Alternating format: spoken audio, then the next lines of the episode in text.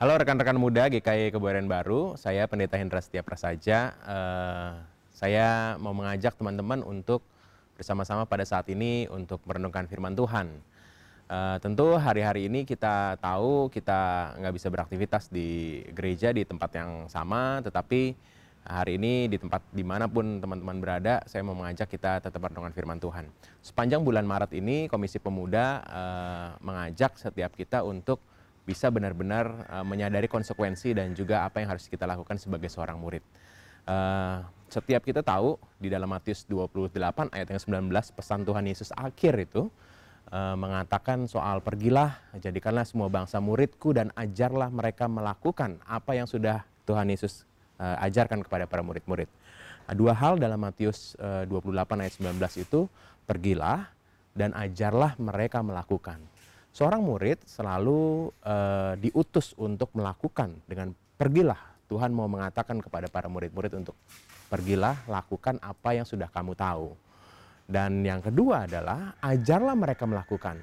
Hari ini pemerintah lagi sibuk untuk mempersiapkan tempat-tempat di mana para pasien corona bisa tertangani dengan baik. Salah satunya adalah Wisma Atlet. Uh, teman-teman juga pasti pernah dapat kabar di WhatsApp grup tentang bagaimana uh, pemerintah mengajak uh, banyak orang untuk menjadi relawan. Dan relawan yang tepat adalah relawan yang sebenarnya tahu bidang kesehatan. Uh, makanya di dalam menyiapkan Wisma Atlet menjadi tempat penampungan para pasien corona, pemerintah lalu uh, memfokuskan pada para mahasiswa Poltekkes, para perawat-perawat, calon-calon perawat itu yang melakukannya. Kenapa? Mereka udah tahu latarnya, mereka tahu bidangnya daripada saya mungkin yang tidak tahu bidang kesehatan lalu um, menjadi relawan. Jadi uh, seorang murid adalah orang yang udah kenal dunianya dan dia tahu melakukannya. Maka kalau perintah Tuhan mengatakan pergilah dan lakukanlah, maka itu menunjukkan bahwa sebenarnya seorang murid harus sudah dekat dengan gurunya sehingga dia mau untuk diutus dan tahu apa yang harus dikerjakan, melakukan sesuatu. Jadi hari ini saya mau mengajak kita untuk bersama-sama membaca firman Tuhan dan di dalam firman Tuhan kita mau menemukan tiga hal penting bagaimana konsekuensi seorang murid dan apa yang harus dilakukan. Yuk kita buka ya. Firman Tuhan hari ini saya mau mengajak kita untuk membukanya, membaca firman Tuhan dari Markus. Markus, eh, maaf, eh, Matius maksud saya, Matius 10 ayat yang ke-34 sampai dengan ayat yang 42. Ya. Kita baca ya. Jangan kamu menyangka bahwa aku datang untuk membawa damai di atas bumi. Aku datang bukan untuk membawa damai, melainkan pedang. Sebab aku datang untuk memisahkan orang dari ayahnya, anak perempuan dari ibunya, menantu perempuan dari ibu mertuanya. Dan musuh orang ialah orang-orang seisi rumahnya. Barang siapa mengasihi bapa dan ibunya lebih daripada aku, ia tidak layak bagiku. Dan barang siapa mengasihi anaknya laki-laki atau perempuan lebih daripada aku, ia tidak layak bagiku.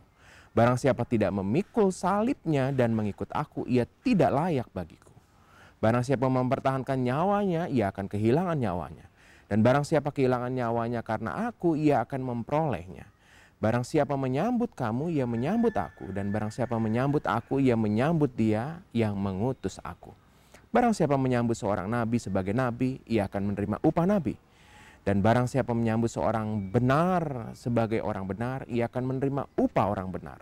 Dan barang siapa memberi air sejuk, secangkir saja pun kepada salah seorang yang kecil ini, karena ia muridku, Aku berkata kepadamu, sesungguhnya ia tidak akan kehilangan upahnya daripadanya. Ada tiga hal teman-teman yang uh, firman Tuhan ini mau mengatakan ya. Mari kita melihat ayatnya yang ke-34 sampai dengan 36. Disebutkan di sana, jangan kamu menyangka aku datang untuk membawa damai di atas bumi. Aku datang bukan untuk membawa damai, melainkan pedang. Ada dua hal, damai dan pedang. Orang-orang pada saat itu uh, memang uh, mengharapkan Yesus sebagai Mesias dan harapan seorang Mesias adalah membawa damai. Dan harapan itu ternyata ditegaskan oleh Kristus bahwa dia nggak datang untuk membawa damai ternyata. Dan itu pasti mengejutkan. Apalagi dia mengatakan bahwa aku akan membawa pedang. Saudara pedang beda dengan tongkat. Pedang menunjukkan sebuah perlawanan yang radikal bahkan bisa membunuh.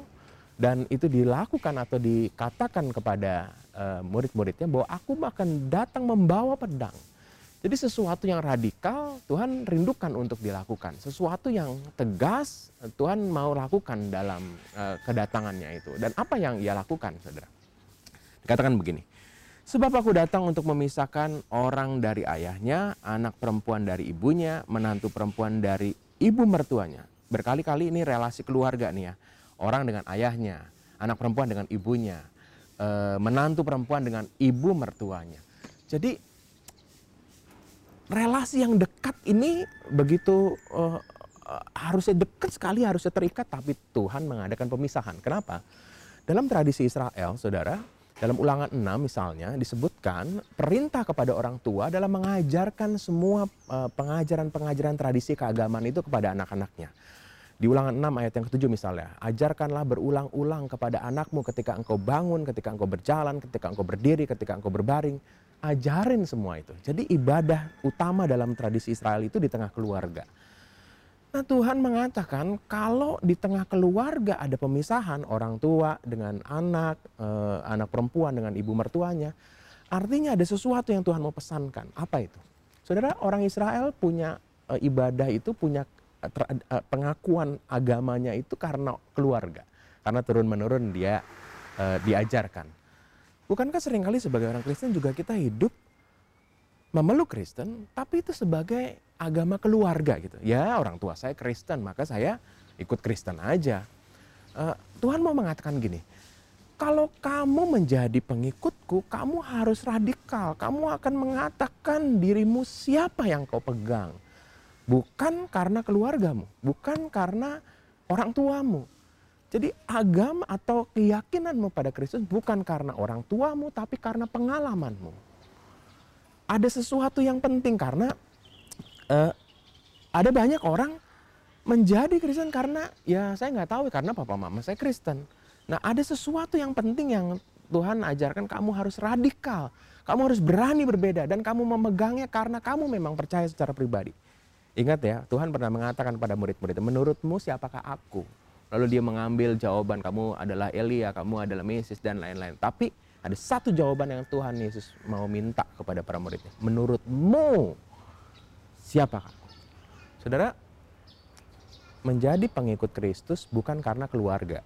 Bukan karena orang-orang di lingkungan terdekat kita ya saya ikut-ikutan aja. Tapi sesuatu yang kita yakini benar bahwa itu adalah pengalamanku bersama dengan Yesus. Jadi hal yang pertama menjadi murid adalah kamu, kita, semua orang harus benar-benar meyakini punya pengalaman pribadi dengan Kristus. Yang kedua, saudara. Yang kedua dalam firman Tuhan disebutkan begini.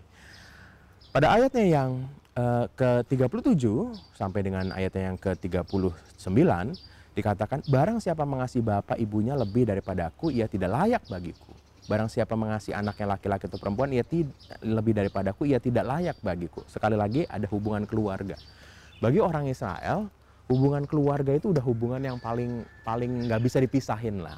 E, karena tradisi turun menurun, e, warisan keluarga, pengajaran-pengajaran agamaan keluarga. Jadi relasi keluarga ayah dengan anak, anak dengan orang tua itu begitu dekat. Dan Tuhan mau mengatakan begini, kalau hubungan yang begitu dekat itu enggak kamu alami juga dalam kedekatan dengan Tuhan, kalau kamu mengasihi orang-orang terdekatmu jauh lebih daripada Tuhan, kamu nggak layak bagiku. Apa pesannya, saudara?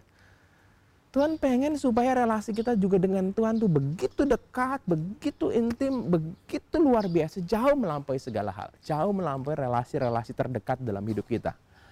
Jadi Tuhan mau supaya kita punya relasi yang begitu dekat. Dan menjadi seorang murid kita harus punya relasi yang dekat. Dan kalau kamu mencinta yang lain, kamu nggak layak. Kalau kamu nggak nggak memberikan posisi Tuhan dan kamu mencintai Tuhan dengan sungguh-sungguh, kamu nggak layak. Ayat yang 38. Barang siapa tidak memikul salibnya dan mengikut aku, ia tidak layak bagiku. Barang siapa mempertahankan nyawanya, ia kehilangan nyawanya. Barang siapa kehilangan nyawanya karena aku, ia akan memperolehnya. Satu firman Tuhan ini mengatakan begini menjadi murid adalah orang-orang yang berani berkorban, bayar harga. Mungkin di tengah pekerjaan kita, Ada banyak orang-orang yang kita cintai. Kita mencintai pekerjaan kita, kita mencintai profesi kita ya, usaha kita, uh, mencintai uh, orang-orang yang uh, menentukan menurut kita dalam kehidupan kita. Tapi kalau kita mencintai mereka jauh melebihi daripada cinta kita pada Tuhan, kita enggak kita takut kehilangan pekerjaan, uh, takut kehilangan teman, uh, takut kehilangan pacar, lalu kita memposisikan Tuhan sebagai yang kedua, kita nggak layak sebagai murid Kristus. Maka seorang murid Kristus berani bayar harga. Ia berani untuk melakukan sesuatu yang jauh melampaui segala hal. Jadi ada sesuatu yang penting yang kita mau yakini bahwa Kristus ada untuk kita dan kita pengen supaya apa yang eh, kita eh, berikan kepada Tuhan benar-benar yang utama adalah Kristus. Yang terakhir saudara, di ayat yang ke-40 sampai dengan 42 disebutkan soal menyambut. Ada lima kali kata menyambut dalam ayat 40 sampai dengan 42. Barang siapa menyambut kamu, ia menyambut aku. Barang siapa menyambut aku, ia menyambut dia yang mengutus aku. Ada lima kali kata menyambut dan ada tiga kali kata upah disebutkan di sana. Jadi pesan firman Tuhan adalah kalau kita menjadi seorang murid yang pertama, kita ini harus punya relasi dekat pribadi dengan Tuhan bukan karena orang lain. Yang kedua, kita harus berani bayar harga. Mencintai Tuhan yang utama. Kehilangan yang lain itu adalah sebuah konsekuensi. Yang ketiga, kita harus punya satu sikap yang sungguh-sungguh mau untuk memberi kepada orang lain, menyambut setiap murid Kristus, dan kita mau benar-benar memberikan walaupun hal yang kecil kasih kita kepada sesama sebagai bagian kita menyambut orang lain. Saudara, tiga pesan ini kita pelajari hari ini. Kita harus punya pengalaman pribadi dengan Tuhan. Yang kedua, kita harus benar-benar berani bayar harga apa pun. Yang ketiga, kita harus mampu untuk mau menyambut setiap orang-orang di sekeliling kita dan orang-orang yang mungkin punya sesuatu yang berbeda karena mereka mengikut Kristus dan kita mau melakukannya. Tiga hal itu. Semoga teman-teman kita bisa menjadi para pengikut Kristus yang baik.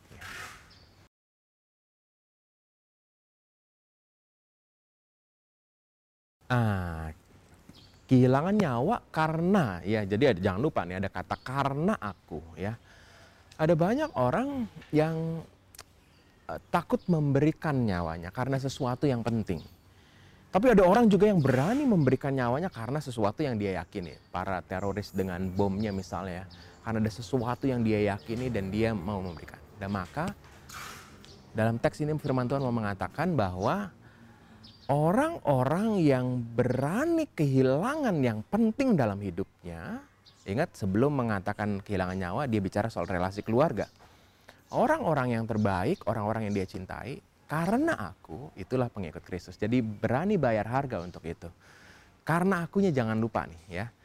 Uh, karena ada banyak orang berani untuk kehilangan yang lain tapi bukan karena Kristus.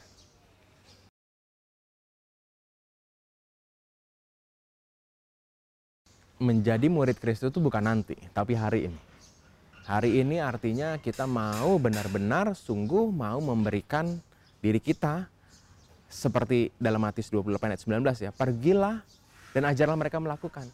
Jadi bukan nanti tetapi hari ini. Hari ini teman-teman di tengah pekerjaan teman-teman, di sekolah teman-teman, dalam setiap pergaulan teman-teman, tunjukin bahwa kamu punya hmm, orang yang layak di sebagai pengikut Kristus. Kamu ikut Kristus karena pengalaman pribadimu.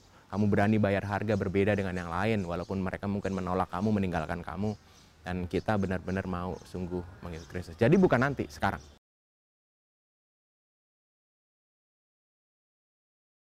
Uh, menjadi pengikut Kristus, ia harus menjadi orang yang berbeda, orang yang berani bayar harga, ya.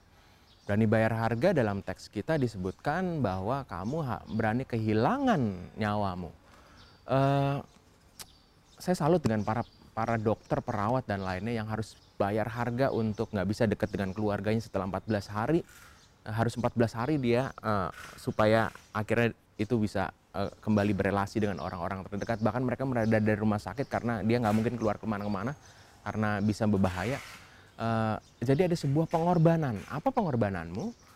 Ya hari ini kita yang nggak uh, bukan orang-orang di dunia medis, ya kita harus ada di rumah supaya kita nggak menyebarkan. Itu harga yang kita harus bayarkan. Kita ada di tempat, nggak berkeliling ke mana-mana, itu harga yang kita bayar. E, bosen sih atau kita nggak sabar.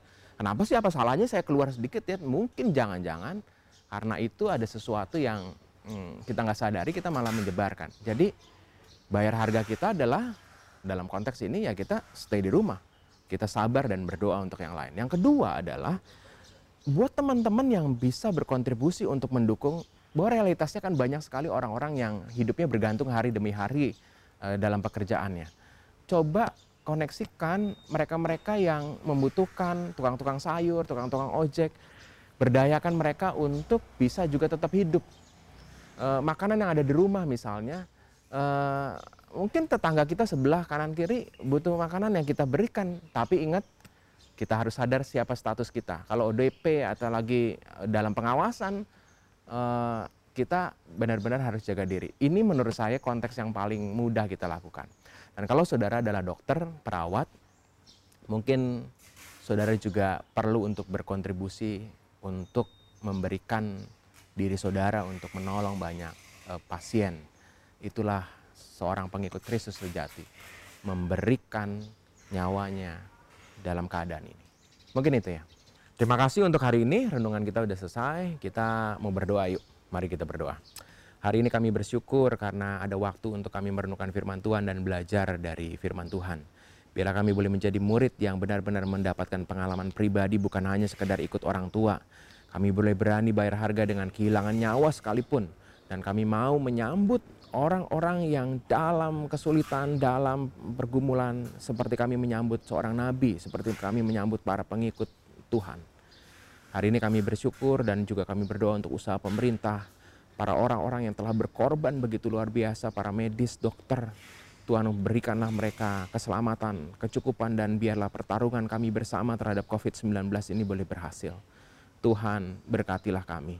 Kami bersyukur untuk hari ini, di mana pun kami berada, kami memohon berkat Tuhan. Diberkatilah setiap kami. Dalam Kristus kami berdoa. Amin. Selamat. thank you